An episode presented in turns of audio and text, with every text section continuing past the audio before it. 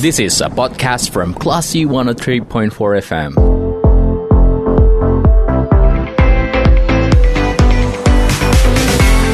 Growing Up with Coach Alka, only on Classy FM.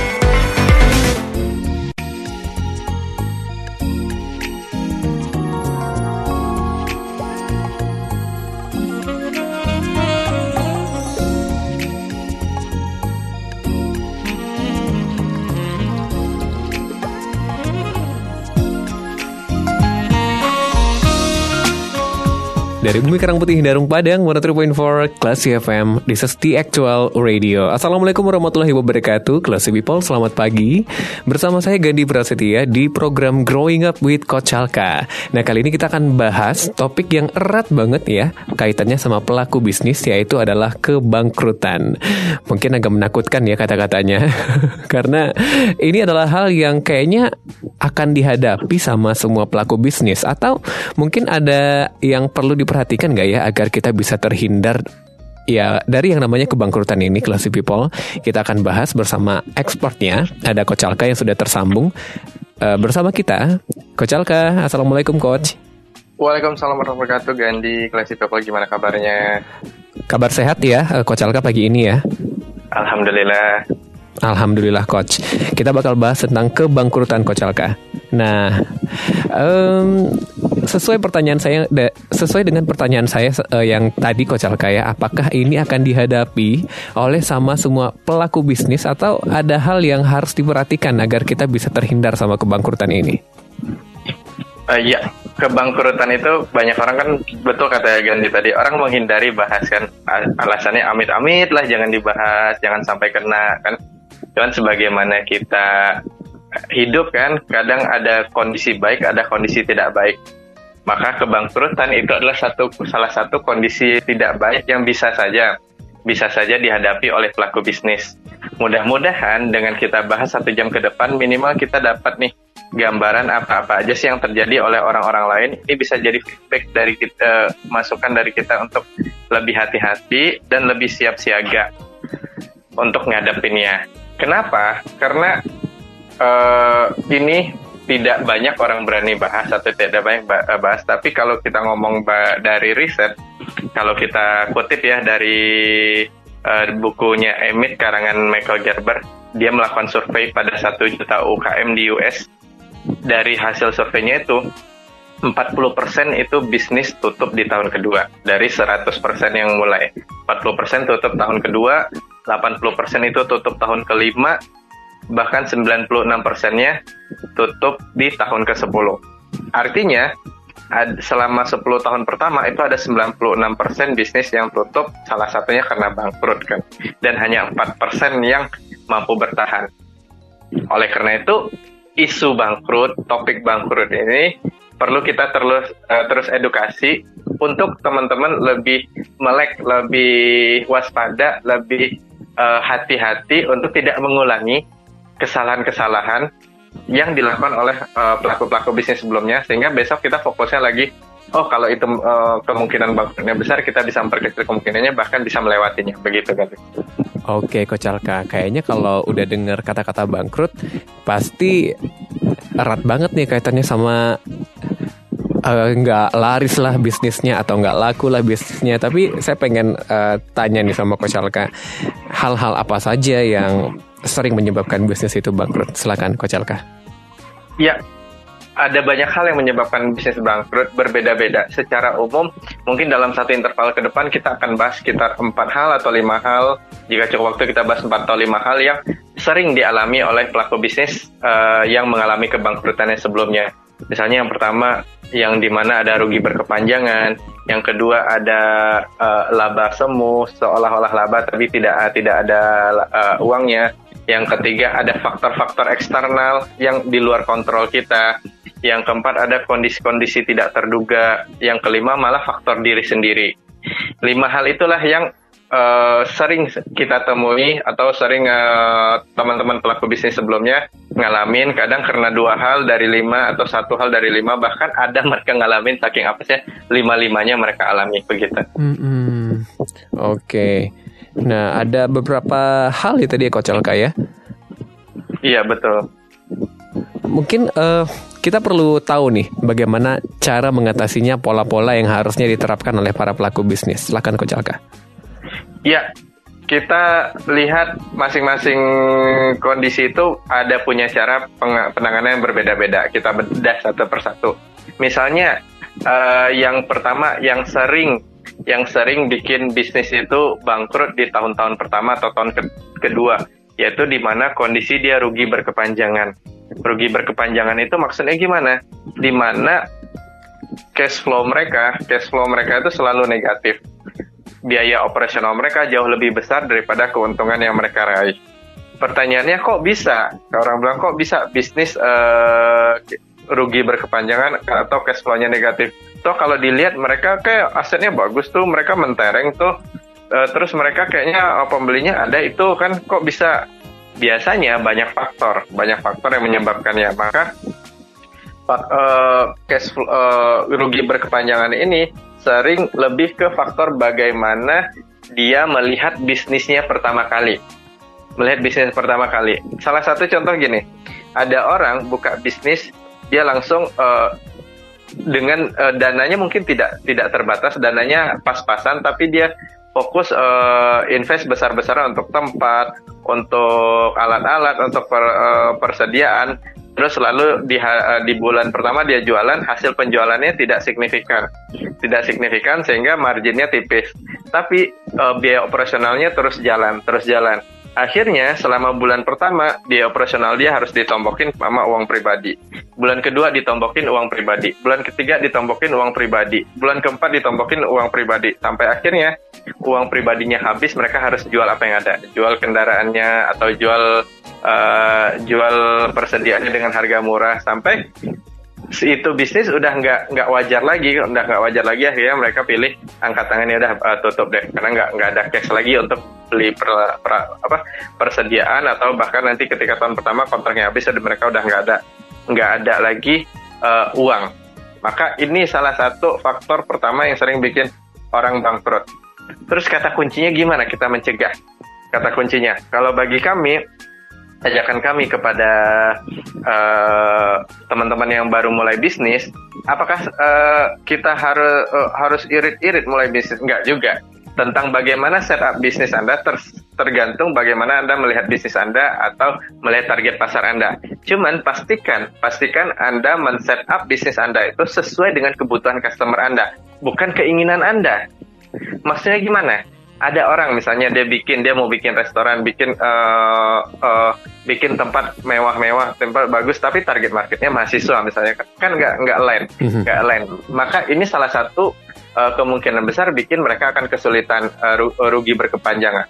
Atau mereka pilih lokasi yang tidak tidak tepat. Mereka mungkin uh, asal-asal aja pilih lokasi sehingga traffic yang dilewati orang untuk ke tempat mereka berusaha itu sangat kecil.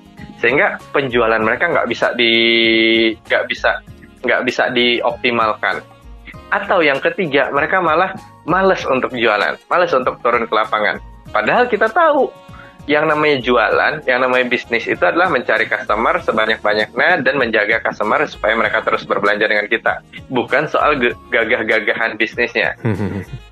Jadi ketika target penjualan mereka nggak tercapai, terus mereka diam-diam aja, otomatis bisa dipastikan di akhir bulan cash flow mereka negatif. Terus ada juga yang tanya, terus kalau seandainya saya ada tuh lihat bisnis mereka rame, tapi kok masih rugi terus juga?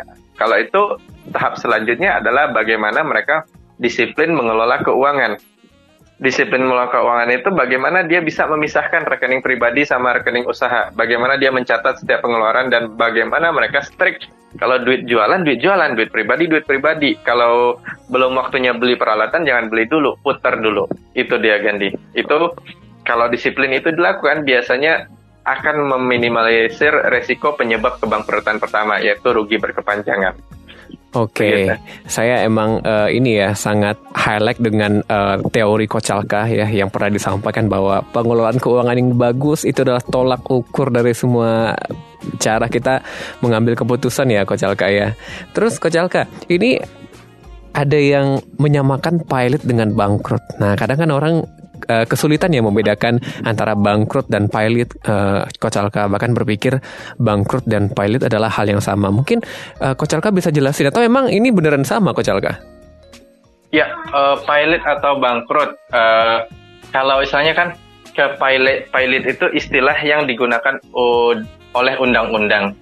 Undang-undang misalnya itu biasa kan badan usaha perusahaan itu. Kalau misal kalau kalau definisi bangkrut ini adalah udah udah nggak ada duit lagi nih untuk jalanin usaha kan. Mm-hmm. Mau itu usahanya tuh berupa badan usaha atau UKM atau usaha pribadi, pokoknya udah nggak nggak lanjut uh, bisnisnya udah tutup dah tuh uh, dan nggak ada duit lagi, itu udah nama bangkrut kan. Nah, bangkrut maka uh, bangkrut biasanya lebih general bisa dipakai oleh siapa aja. Kalau pelit itu biasanya itu kan kondisi perusahaan yang uh, berujung kepada kebangkrutan yang di, disahkan oleh undang-undang. Maksudnya gimana? Biasanya pelit ini kalau mungkin bisa kayak yang sepengetahuan saya ya, mungkin kalau teman-teman yang uh, ahli hukum mungkin bisa menjelaskan lebih uh, terstruktur. Kalau yang saya pahami dari sisi pelaku usaha, kalau pelit itu biasanya kan mereka mengacu kepada undang-undang kepailitan. Kenapa penting mereka ajukan pilot? Biasanya itu badan usaha. Badan usaha berupa PT atau uh, perusahaan-perusahaan badan usaha lainnya yang uh, ketika mereka sudah kesulitan untuk membayar tagihan, ketika mereka sudah nggak ada cash lagi, nggak ada uang lagi, sedangkan uh, kreditor atau yang pe, pe, pe, apa peminjam kan terus menagih mereka. Maka salah satunya adalah mereka mengajukan ke pengadilan niaga.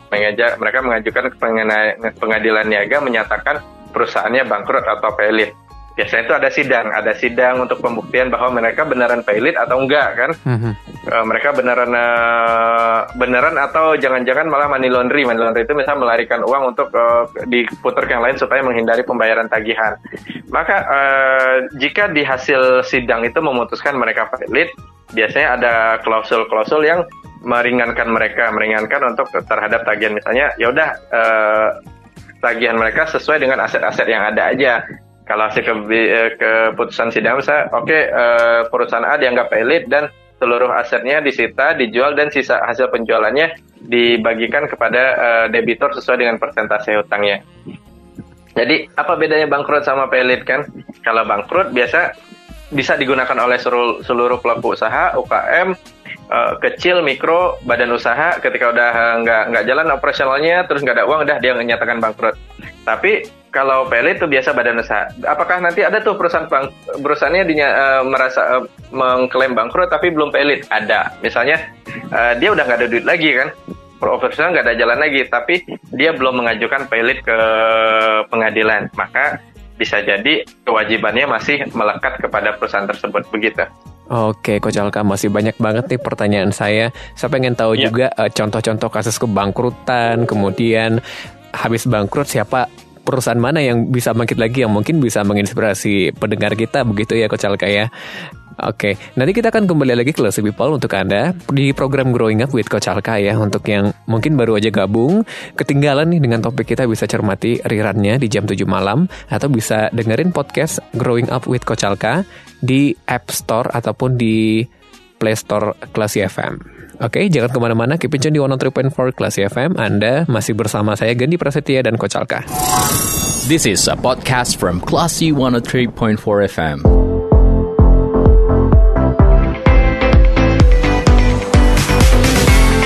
Growing Up with Coach Alka, only on Classy FM.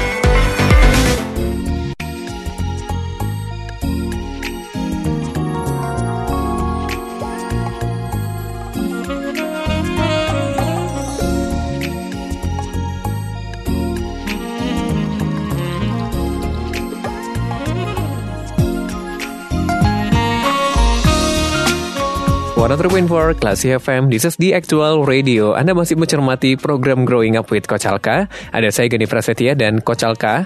Coach Alka masih bersama yeah. kita ya di sana ya. Oh iya, Coach Alka. Tadi kita udah bahas nih cara mengatasi ketika kata-kata bangkrut sampai di uh, kondisi bisnis kita ya, Coach Alka ya.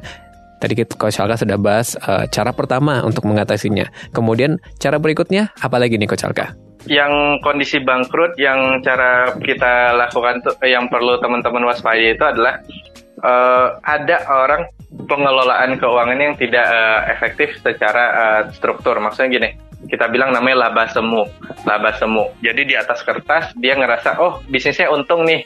Kalau saya jual 100, untung 20%, ah pasti nih ada untungnya. Seberapa sering kita ngeliat, oh pasti nih untung, pasti nih untung. Tapi pas di akhir bulan kita cek, kok nggak ada duitnya sih? Kok nggak ada duitnya sih? Tapi itu dia biarkan aja, dia biarkan aja bulan uh, bulan ke bulan dia terus aja biarin kayak gitu kan. Ah jangan-jangan nih uh, belum dibayar aja. Jangan-jangan ini uh, masih nyangkut di stok. Jadi sering mereka tuh bilang jangan-jangan jangan-jangan jangan-jangan. Terus uh, curiga-curiganya saya orang ini adalah dia sendiri sebenarnya mungkin nggak melek finansial. Nggak melek finansial itu maksudnya apa?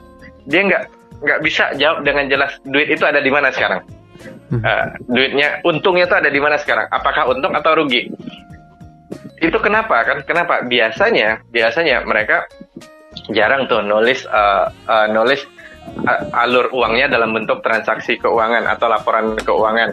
Jadi dia nggak bisa secara real la, labar, laporan laba ruginya seperti apa, arus kasnya seperti apa, neraca seperti apa. Terus uh, seringnya kami temui mereka kan mental blocknya gini, iya tapi kan saya nggak ngerti akuntansi, saya kan nggak ngerti keuangan. Come on, ketika kamu mulai bisnis, ketika kamu udah ngomong ada untung rugi, itu namanya uh, itu namanya laporan laba rugi. Tinggal dicatat aja yang ada di pikiran kamu tuh dicatat kan, tinggal dilihat yang mana yang belum tercatat. Kalau bingung pun nggak tahu gimana catat, kamu ngomong tim kamu yang catat. Nah, nanti suruh dia tulis di papan tulis atau suruh tulis di kertas. Nanti benerin. Itu namanya laporan laba rugi. Terus laporan arus kas gimana? Laporan arus, arus kas itu semudah uang keluar, uang masuk dicatat semua. Kayak laporan papan laporan papan di masjid. Berapa uang masuk berapa uang keluar. Nah itu itu dimatchingin sama laporan laba rugi. Jadi biar tahu nih uh, kondisinya ada di mana. Terus neraca itu apa? Neraca itu kamu catat apa apa aja yang ada sekarang akhir bulan ini uh, kendaraan nilainya berapa stok nilainya berapa utang nilainya berapa piutang nilainya berapa jadi tiga hal itu aja kamu, uh, kamu benerin itu biasanya akan bisa terminimalisir sama dengan laba semu terus laba semu itu maksudnya apa ya? Laba semu ini gini, ketika kita mikir bisnis kita masih untung, terus kita masih gunakan uang kita secara uh, uh, secara agresif. Misalnya oh ngerasa ah ini masih ada nih untungnya uh, 50 juta, yaudah nambah stok. Ini masih ada uang 50 juta, yaudah beli peralatan. Ini masih ada nih uang 50 juta secara hitungannya, yaudah uh, uh, buka cabang baru. Ini yang sering orang nggak uh, waspada sehingga menyebabkan kebangkrutan penyebab kebangkrutan yang sering kedua. Mereka menganggap uh, me mereka melihat laba semu, mereka menganggap bisnis mereka itu masih untung. Padahal kalau dia ketat aja menuliskan laporan keuangan secara tertulis dan dia cek secara uh, secara kasat mata apakah uh, laporan keuangan dia tuliskan atau dia tuliskan tulis dan cek kondisinya dia akan ngerem tuh akan lebih uh, lebih konkret nih ngeliat oh iya secara hitungan saya harusnya untung saya 50 juta, tapi ternyata duitnya ada cuma 10 juta. Ke mana 40 jutanya lagi? Oh, ternyata 40 juta itu terbagi 30 juta dalam stok, 10 juta ternyata nyangkut nih di piutang. Piutangnya bisa ditagih nggak? Oh iya ternyata piutang nggak tertagih. Berarti itu masuk kategori rugi bisa dicatat sama piutang tidak tertagih atau kerugian. Jadi bisa lebih minimalisir kita bikin uh, kebijakan. Terus kelihatannya sederhana, tapi kenapa banyak orang nyangkut di sini? Karena banyak faktor sederhana, mental block, males. Antara nggak mau belajar sama males belajar. Banyak ya, saya kan bukan orang keuangan, saya bukan orang uh, akuntansi. Mereka itu hanya bagi kami itu hanya untuk menghindari mereka untuk melakukannya. Padahal banyak cara untuk bisa dia tahu kondisi realnya. Kenapa? Pada dasarnya pebisnis di pikiran mereka tuh ada tuh semua jumlah stoknya. Hanya saja mereka nggak nggak nggak nggak ah, nggak tuliskan. Ini yang kita ajak ke teman-teman pelaku bisnis yang ada sekarang. Yuk biasain uh, dari sekarang lakukan uh, pencatatan keuangannya dengan baik, dengan tertib, dan jika tidak bisa kerjakan sendiri, cari bantuan untuk menuliskan. Yang penting apa yang ada di kepala teman-teman itu dituliskan, itu menjadi dasar teman-teman ngelihat jadi dashboard kontrol teman-teman supaya teman-teman tidak terjebak penyebab kebangkrutan kedua yaitu uh, laba semu. Begitu Gandhi. Oke, berarti mental males nih emang harus dihilangin ya Coach Alka ya. Mau jadi karyawan, mau jadi jadi para uh, jadi pebisnis gitu ya. Emang nggak bisa dipertahankan ya emang jadi virus ya untuk diri kita sendiri untuk uh, perusahaan kita ataupun orang-orang di sekitar kayak gitu. Nah uh, Coach Alka Tadi saya juga nanya ya sebelum kita mulai di sesi 2, apa sih contoh kasus kebangkrutan yang mungkin layak untuk uh, pendengar kita tahu bahwa uh, ini adalah kesalahan-kesalahan yang mereka lakukan gitu ataupun uh, contoh kasus kebang kebangkrutan yang mereka alami tapi mereka bisa bangkit lagi. Mungkin Coach Alka bisa cerita dikit kali ya. Ya, uh, salah satu contoh kasus kebangkrutan kita bisa ngelihat mungkin kalau apa namanya? Kalau dari kalau saya dulu waktu pertama-pertama belajar-belajar itu adalah dari uh, baca buku biografinya pendiri Sampurna kan. Hmm. Uh, itu dia kan di tahun-tahun masa tahun berapa ya 48-an itu mereka kebakaran tuh pabriknya, kebakaran pabriknya. Salah satunya itu kan yang dia bisa dibilang tuh nggak ada apa-apa tuh, nggak ada apa-apa. Ya, cuman mereka masih punya merek dan masih punya merek yang mereka bikin yang mereka bikin bangkit lagi atau adalah di mana mereka bisa ngelola uangnya. Mereka ngelola uang, mereka gunakan dari yang kecil-kecil uh, terus mereka bangkit lagi. Dan keunggulannya adalah mereka masih punya merek yang dipercaya orang. Itu salah satu salah satu uh, histori yang sa sampai sekarang perusahaan tersebut masih ada eksis lebih dari 50 tahun lebih kan? Kalau yang kecil-kecil apa? Yang kecil-kecil itu ya uh, salah satu bagi teman-teman uh, kami di di masa-masa yang uh, teman-teman yang di pasaraya di masa-masa kemarin uh, pandemi ada tuh banyak beberapa orang dia memilih pivot. Pivot ketika mereka mikir udah nggak nggak itu lagi udah nggak uh, nggak make sense lagi ini bisnis. Hmm. uh, daripada dipaksain nginjek lagi nginjek lagi mereka pilih ya udah mereka ganti bisnis itu sih uh, yang pernah yang banyak hal sih kalau enaknya contohnya kan benar kita dengar langsung orang dan kita lihat langsung akan kita akan ngerasa ini gimana feelnya ngerasa ngadepin lebih ke faktor gimana berani menerima keadaan ini. Mengakui oh ya ini kayak udah nggak bisa dilanjutkan. Oh ya ini ini masih bisa di dibenarin begitu. Berarti kita nggak nggak ini juga ya nggak naif nggak juga terlalu ambisi tapi kita uh, maksudnya kita berhak ya bermimpi tapi kalau misalnya mimpinya udah nggak realistis lagi ya kita harus terima ya begitu ya kecalka ya. Iya betul. Oke, okay. uh, next kita coba lagi nih menggali ilmu Kocalka tentang gimana cara mengatasi kebangkrutan kalau ada kata-kata itu yang sudah menyentuh bisnis kita. Apalagi nih Kocalka, silakan. Ya, salah satu yang uh, sering bikin kebangkrutan yang ketiga itu adalah ketika kita itu udah se apa namanya nggak bisa ngelola diri sendiri pada titik tertentu jadi kalau kalau kami bilang namanya sindrom OKB, huh? sindrom orang sindrom orang kaya baru. Nah, sindrom orang kaya baru ini a, a, seringnya terjadi nanti ketika bisnis bisnis udah mulai naik, bisnis itu udah mulai tumbuh. Mm -hmm. Kalau yang tadi kan yang satu kedua uh, tadi itu terjadi di bisnis baru-baru mulai. Mm -hmm. Ini bisnis sudah jalan tiga tahun, empat tahun, terus uh, sudah mulai ada pemasukan, sudah mulai rame, sudah mulai ada duitnya uh, si pemilik bisnis ini sudah mulai nggak nggak bisa ngontrol diri sendiri mulai uh, udah lagi nggak nggak awalnya mereka rutin catat udah nggak catat lagi. Hmm. terus mereka pikir oh ya udah punya udah punya duit ya udah saya beli uh, beli rumah saya beli mobil saya beli ini beli itu. Uh, judulnya dia bilang saya invest deh saya invest. Tapi uh, kalau invest kan harusnya produktif ya. Hmm uh, harus produktif tapi tapi uh, mereka invest kita bilang investasinya serampangan. Mm-hmm. serampangan. Misalnya ya udah saya saya invest ini ke teman saya tapi dia nggak menduli due diligence uh, dengan detail.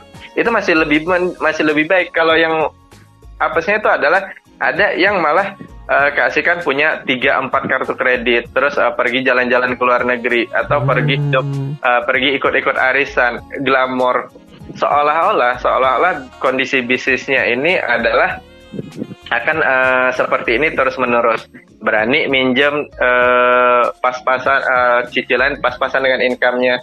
Benang merahnya apa? Benang merahnya kami suka bercanda ini itu adalah ini mereka udah kena sindrom OKB atau udah punya penyakit gengsi.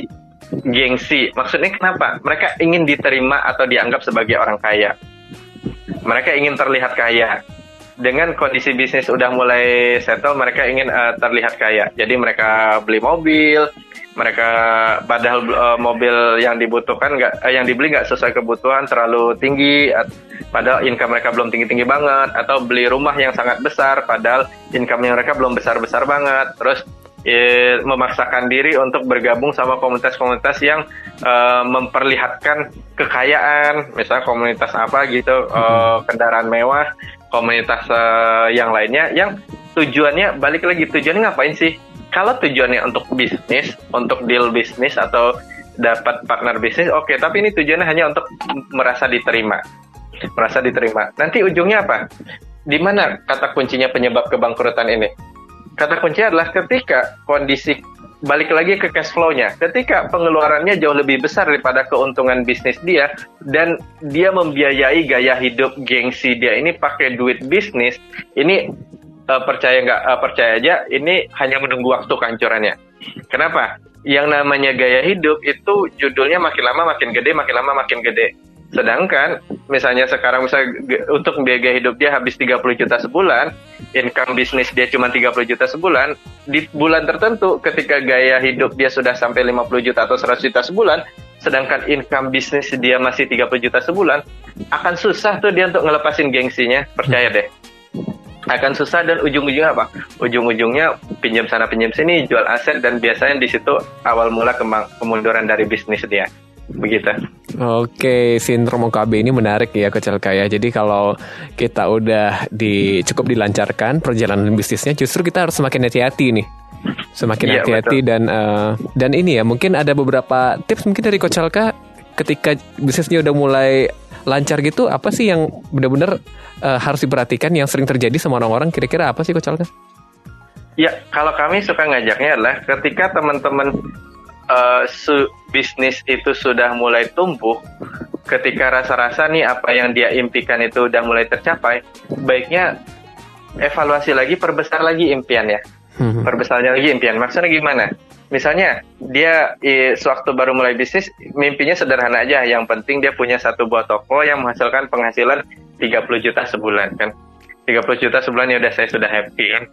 Terus nanti rasa-rasa sudah hampir uh, capai, misal punya income do, keuntungan bersih 20 juta sebulan, jangan biarin capai 30 dulu. Perbesar lagi mimpinya. Dan mimpi itu kira-kira impact ke orangnya apa? Jadi saya, uh, ini yang disebut visinya diperbesar lagi. Apa yang ingin dia tuju diperbesar lagi. Saya, kalau sekarang saya punya satu toko, saya pengen dalam lima tahun ke depan pengen punya lima toko deh, lima toko atau pengen punya eh, uh, 20 toko supaya nanti saya punya income uh, yang bisa untuk ngidupin anak yatim, mau bisa mendirikan rumah yatim atau rumah Quran atau saya bisa menghidupkan ekonomi kampung saya. Maka energi ini yang bikin kita lebih hati-hati nih menggunakan uang. Karena kita ngerasain sayang-sayang nih uangnya kalau kita pakai untuk uh, gaya hidup masih bisa nih diputar untuk ngembangin bisnis selanjutnya apa yang kita kejar? Kalau seandainya tercapai 20 toko nih nah nanti impact yang dirasakan lebih besar lagi. Akan hidup nih kampung kita nih dari bisnis kita. Akan hidup nih rumah-rumah anak yatim dari bisnis kita. Ini biasa menetralisirnya. Terus yang kedua juga caranya adalah untuk bisa lebih sadar diri.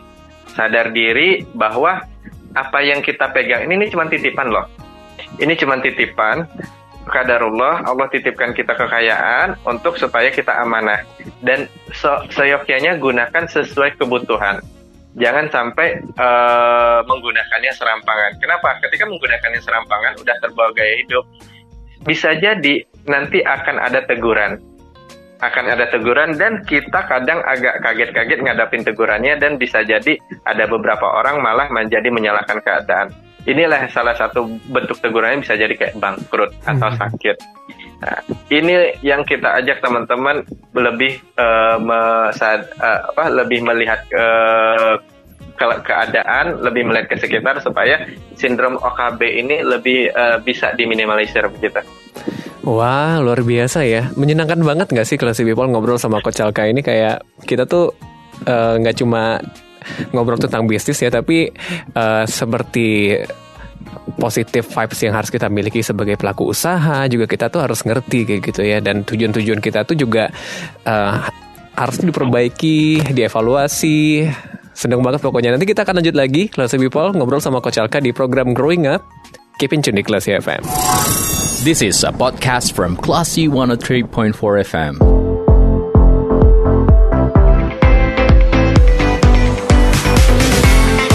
Growing Up with Coach Alka, only on Classy FM.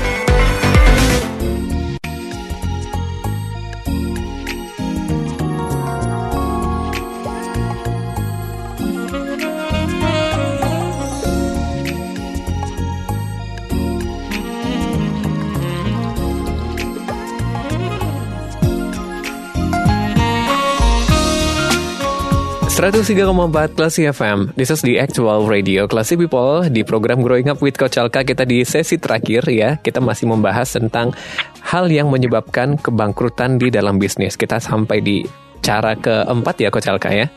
Ya. Silakan Coach Alka. Oke. Okay. Salah satu yang sering uh, Kita bikin bangkrut itu seringnya adalah kita abai sama memahami faktor-faktor yang di, di luar diri kita. Faktor kita bilang nama faktor orang lain. Uh, ada orang bisa mungkin dia sudah hati-hati nih, sudah hati-hati dalam uh, ngelola bisnisnya, udah udah hati-hati. Cuman ada kadang ada hal-hal yang di luar kontrol kita yang bisa bikin kita bangkrut. Contohnya gimana? Contohnya ada orang misalnya uh, bisa uh, terlalu percaya sama partner bisnisnya. Hmm. Oh iya bang, uh, saya saya mau bawa nih barangnya uh, di kota Bukit Tinggi dan di situ pasti untung nih. Ya udah, mau bawa dan uh, bawa da, mungkin di yang pertama lancar, yang kedua lancar, ah, nanti yang ketiga lancar, yang keempat, kelima mereka beli minta dalam jumlah besar dan tidak dibayar apa sih pengaruh yang kayak kayak gitu? Tuh yang pengaruh itu biasa ke cash flow. Ke cash flow-nya sehingga uh, pas butuh untuk bayar ke supplier mereka nggak ada. Banyak nggak kasus kayak gini? Ada beberapa teman-teman saya yang ngalamin. Khususnya teman-teman yang bermain di uh, distributor dan grosir. Kalau kita bilangnya namanya ada piutang-piutang tidak terdagih atau partner-partner yang uh, tidak komit. Ngaruhnya apa? Sampai ada satu teman itu dia uh, punya dia itu grosir uh, grosir uh, apa namanya alas kaki di satu uh, di di di kota Bukit Tinggi dia bercerita pada saat itu salah satu untuk memudahkan penjualan itu adalah uh, memberikan piutang kan piutang piutang. Mm-hmm. Cuman ada beberapa orang yang piutangnya uh, awal-awal lancar, awal lancar sehingga mereka nggak nggak kontrol kan nggak kontrol akhirnya pada satu titik ternyata piutangnya uh, dia pesan dalam jumlah tertentu dan uh, dan menghilang dan menghilang. Hmm. Ditambah akumulasi piutang-piutang lain juga banyak. Akhirnya total piutang yang tidak tertagih itu sudah uh, sudah uh, angkanya sudah uh, 60% atau 70% dari cash cash flow mereka. Pilihannya apa? Pilihannya ya udah ujung-ujung tutup kan tutup dia tutup bisnisnya dengan ganti bisnis. Terus ada juga salah satu teman kami juga di Padang ini mereka juga alami juga mereka uh, punya uh, partner, dia partner uh, untuk dia jalanin barang ke daerah-daerah kan, barang ke daerah-daerah. Terus uh, awalnya lancar-lancar, dia ada tiga empat orang uh, yang akumulasi jauh banyak dan entah kenapa tiba-tiba tiga-tiganya itu dalam waktu berdekatan mereka bawa kabur barang jumlah jumlah besar dan itu mengganggu cash flow mereka dan akhirnya mereka ujungnya tutup lagi. Terus apa apa yang kita lihat dari sini? Yang pas kita cek itu digali-gali ternyata adalah uh, kalau kita kan yang terjadi kadang kalau udah percaya itu udah segan, sungkan ya, mm-hmm. sungkan uh, agak-agak um, segan-segan minta laporan atau menanya-nanya soal duit, main ya udah percaya aja, percaya aja kan. Nah, di faktor ini uh, kami aja ke teman-teman sebagai teman kita betul kita percaya teman kita. Nah, sebagai teman kita percaya. Cuman sebagai bisnis kita perlu ada data sebagai bisnis ada data. Bisnis itu ngomong data, ngomong angka. Kepercayaan itu penguatnya, data itu adalah bahan bakarnya. Maka ketika ada orang bilang, masa lu nggak percaya sama gue? Itu itu warning, itu warning bagi kami bilang. Hmm. Kita bukan kita bukan tidak percaya, kita percaya karena uh, maka salah satu untuk memperkuat kepercayaan kita, tolong dong uh, dibikin laporannya. Kalau emang nggak bisa bikin laporan kasih tahu di bagian mana nggak bisa di mana siapa saya akan carikan orang yang bisa bantu laporannya. Kenapa? Kalau prinsipnya gini kalau di bisnis kalau anda percaya seseorang dan seseorang percaya anda dia akan kasih tahu apa yang apa adanya. Termasuk soal data. Maka uh, di bagian ini kami kami ajaknya adalah ada be, uh, beberapa orang menggunakan kata-kata masa lu nggak percaya dengan saya untuk tidak memberikan data mungkin banyak faktor kenapa dia tidak memberikan data. Faktor mungkin datanya nggak rapi, faktor dia nggak mengerti, atau yang faktor tidak, faktor memang dia sudah ada niat yang tidak baik. Apakah karena faktor keadaan lainnya? Maka untuk mengantisipasinya, kita perlu bertegas uh, dari awal. Tegas dari awal, kita bekerja sama, dasarnya juga uh, dasarnya betul kepercayaan, selain kepercayaan kita diperkuat oleh uh, data laporan. Maka ketika ada laporannya terlambat, yang dipertanyakan itu adalah apa yang bisa dibantu untuk memudahkan laporannya. Apa yang bisa uh, disupport untuk memudahkannya. Apa kendala yang dihadapin. Jangan dibiarkan. Kalau dibiarkan, ini akan jadi celah. Ah, ternyata nggak dicek nih. Ternyata nggak dikontrol akan banyak tuh faktor-faktor yang memicu ini terjadi kerugian kerugian-kerugian yang di luar kontrol kita. Faktor orang. Kenapa? Sederhananya gini, kalau duit itu, misalnya nih soal uang nih, uangnya sudah diterima di tangan partner kita. Misalnya dalam hitungan 200-300 juta, dan tiba-tiba uang itu uh, kena faktor tertentu, uh, dia gunakan untuk kepentingan yang menurut dia mendesak. Misalnya ada yang butuh uh, keluarganya uh, kecelakaan dan lain sebagainya artinya uangnya kan sudah habis. Dia mau ditu, diminta gini marco udah nggak bisa lagi? Udah nggak ada lagi uangnya itu kan. Sedangkan bisnis kita butuh cash untuk uh, butuh uangnya untuk jalanin operasionalnya.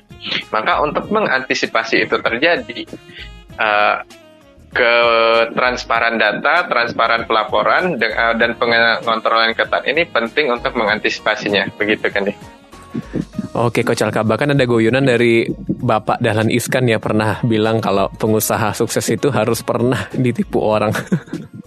Ini iya. mungkin bikin apa ya kayak kalau misalnya kita ditipu orang pasti kita nggak akan sungkan lagi untuk menolak ataupun uh, apa ya terang-terangan uh, dengan data seperti yang Coach Alka bilang tadi gitu.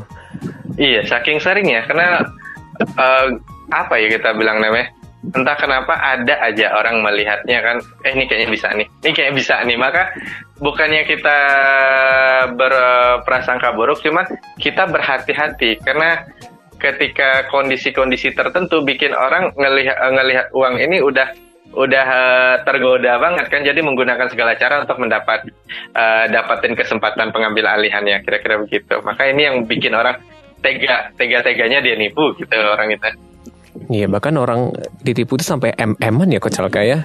Jual iya, rumah, jual aset semuanya gara-gara ditipu. Nah mungkin ini bisa jadi catatan yang paling dimerahin gitu ya Buat para pebisnis bahwa ditipu classy people itu bisa menjadi ya, penyebab kebangkrutan gitu ya. Mungkin Coach Alka bisa memberi kesimpulan di sesi akhir ini Coach Alka Untuk topik kita hari ini. Silakan Coach Ya, dari uh, diskusi kita satu interval ini intinya teman-teman kebangkrutan itu sesuatu hal yang teman-teman uh, bisa lihat, bisa pahami, tapi bukan untuk ditakuti.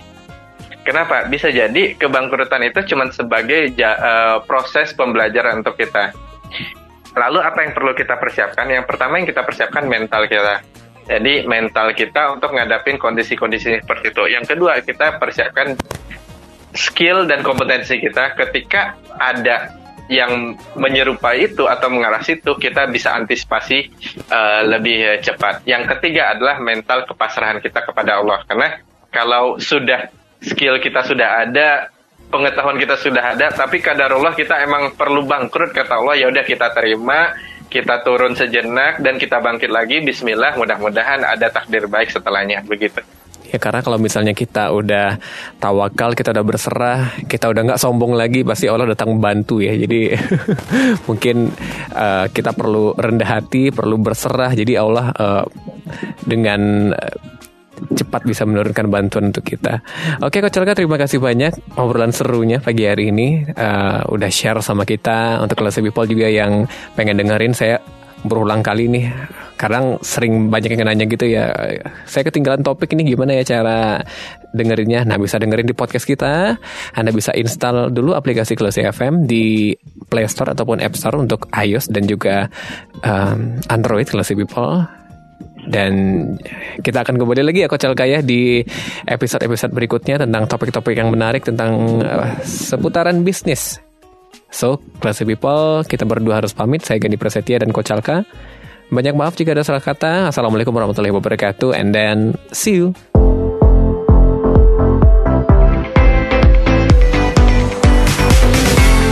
Anda baru saja mencermati Growing Up with Coach Alka. See you. This is a podcast from Classy 103.4 FM.